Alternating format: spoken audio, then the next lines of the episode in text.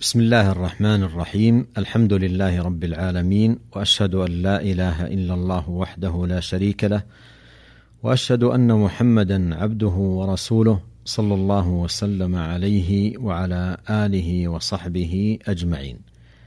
أما بعد فلا يزال الحديث عن صوم النبي صلى الله عليه وسلم.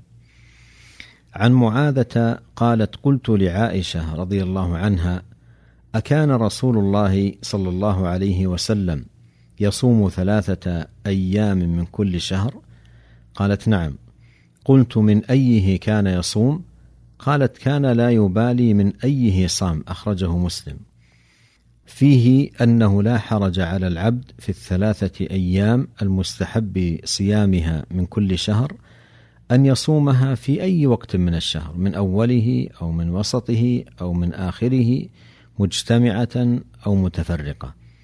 ولهذا قالت رضي الله عنها كان لا يبالي من أيه صام.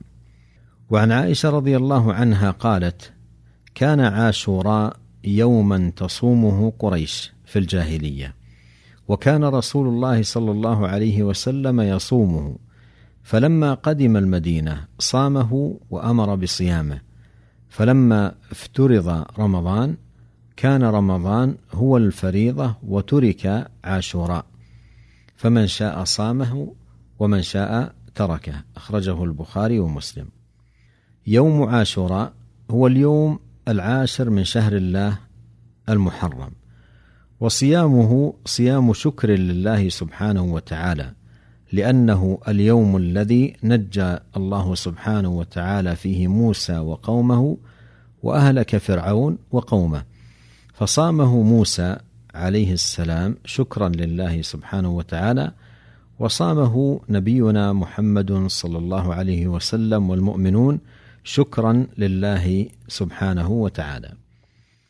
قولها كان عاشوراء يوما تصومه قريش في الجاهلية لعل صيام عاشوراء في الجاهلية عند قريش من الأمور التي بقيت عندهم مما لم يتبدل من دين إبراهيم. وكان رسول الله صلى الله عليه وسلم يصومه فلما قدم المدينة صامه أي استمر على صيامه وأمر بصيامه وجاء في الصحيح وغيره من حديث ابن عباس رضي الله عنهما ما يوضح هذا الأمر. فقال قدم النبي صلى الله عليه وسلم المدينة فراى اليهود تصوم يوم عاشوراء فقال ما هذا؟ قالوا هذا يوم صالح هذا يوم نجى الله بني إسرائيل من عدوهم فصامه موسى قال فأنا أحق بموسى منكم فصامه وأمر بصيامه. قولها وأمر بصيامه يدل على أن صيام يوم عاشوراء في بدء الأمر كان على سبيل الإيجاب لأن الأمر يقتضي الوجوب.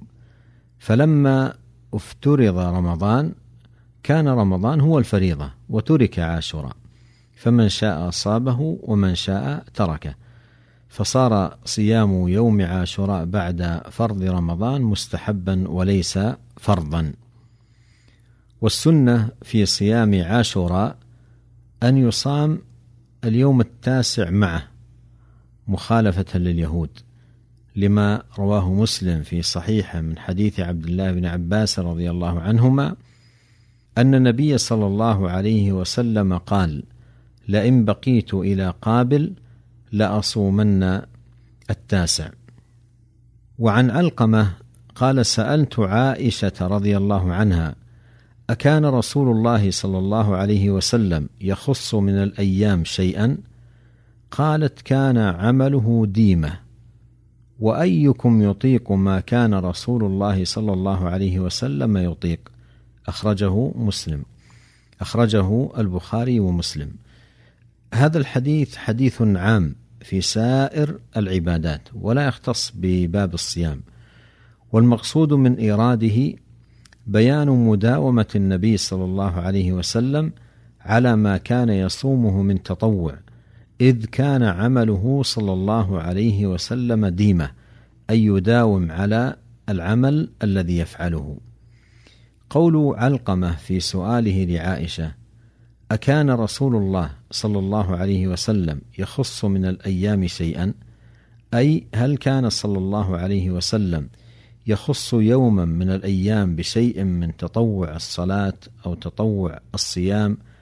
أو أي نوع من تطوع العبادات قالت كان عمله ديمه أي إذا عمل عملا داوم عليه وأحب العمل إلى الله أدومه وإن قل.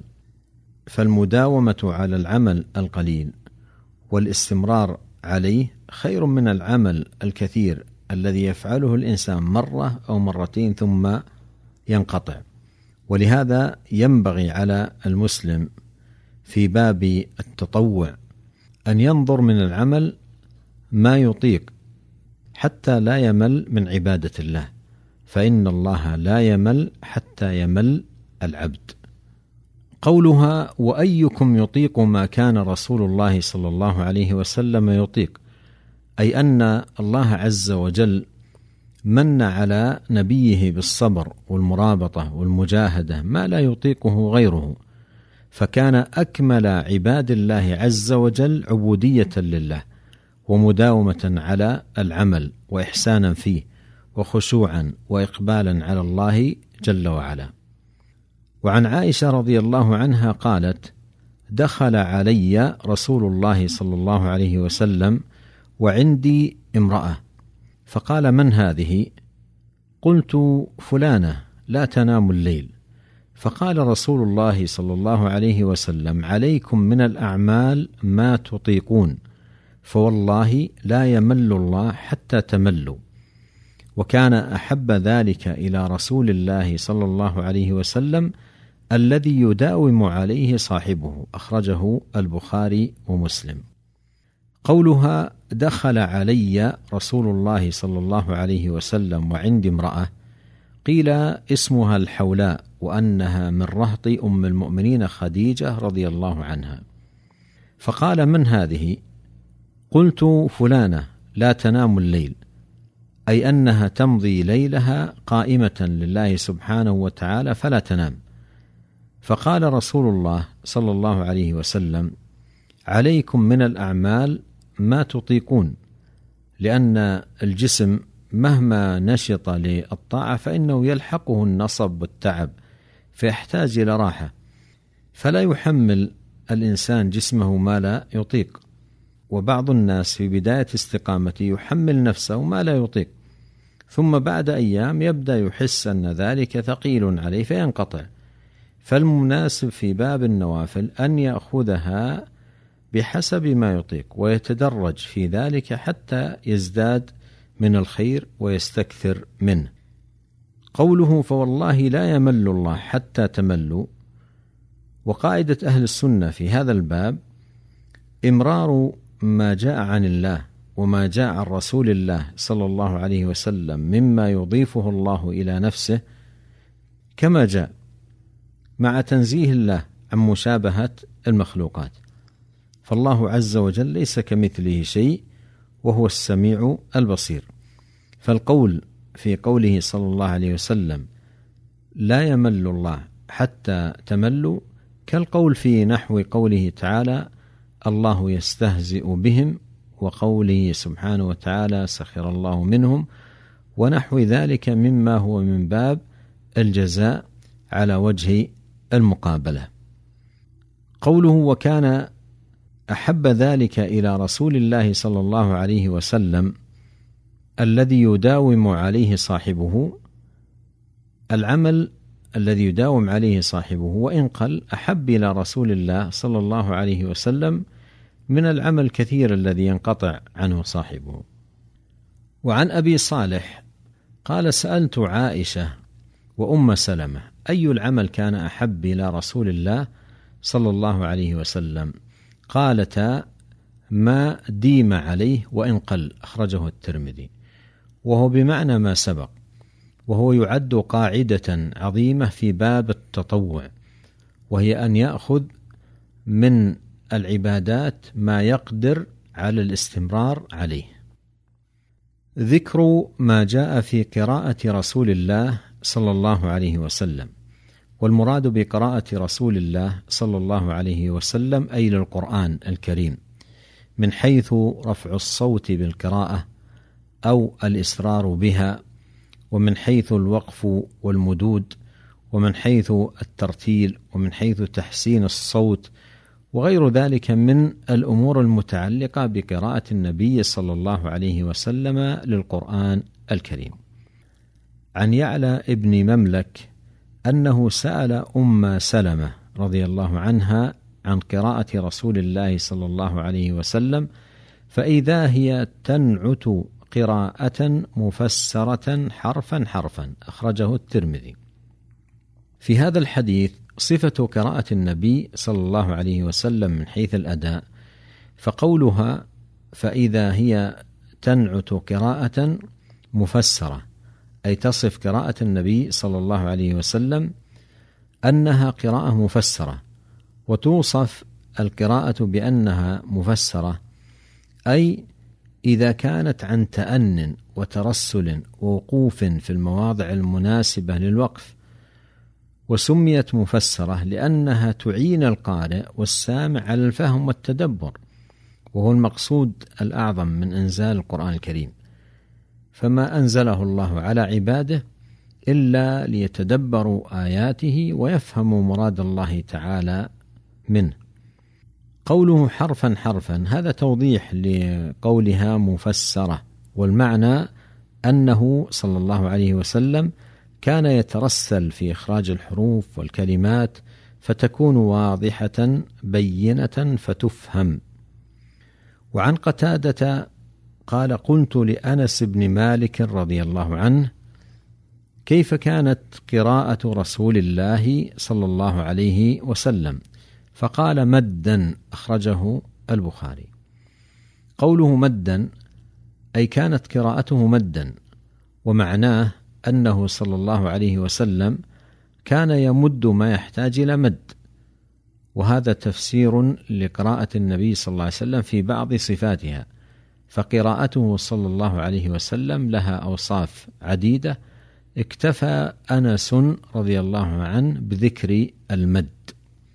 وعن أم سلمة رضي الله عنها قالت كان النبي صلى الله عليه وسلم يقطع قراءته يقول الحمد لله رب العالمين ثم يقف ثم يقول الرحمن الرحيم ثم يقف وكان يقرأ مالك يوم الدين أخرجه الترمذي. قولها كان النبي صلى الله عليه وسلم يقطع قراءته أي يجزئها فيقف على رأس كل آية. لذلك قالت يقول الحمد لله رب العالمين ثم يقف.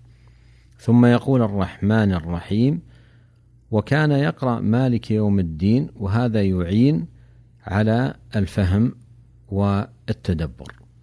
وعن عبد الله بن أبي قيس قال سألت عائشة عن قراءة النبي صلى الله عليه وسلم أكان يسر بالقراءة أم يجهر؟ قالت كل ذلك قد كان يفعل.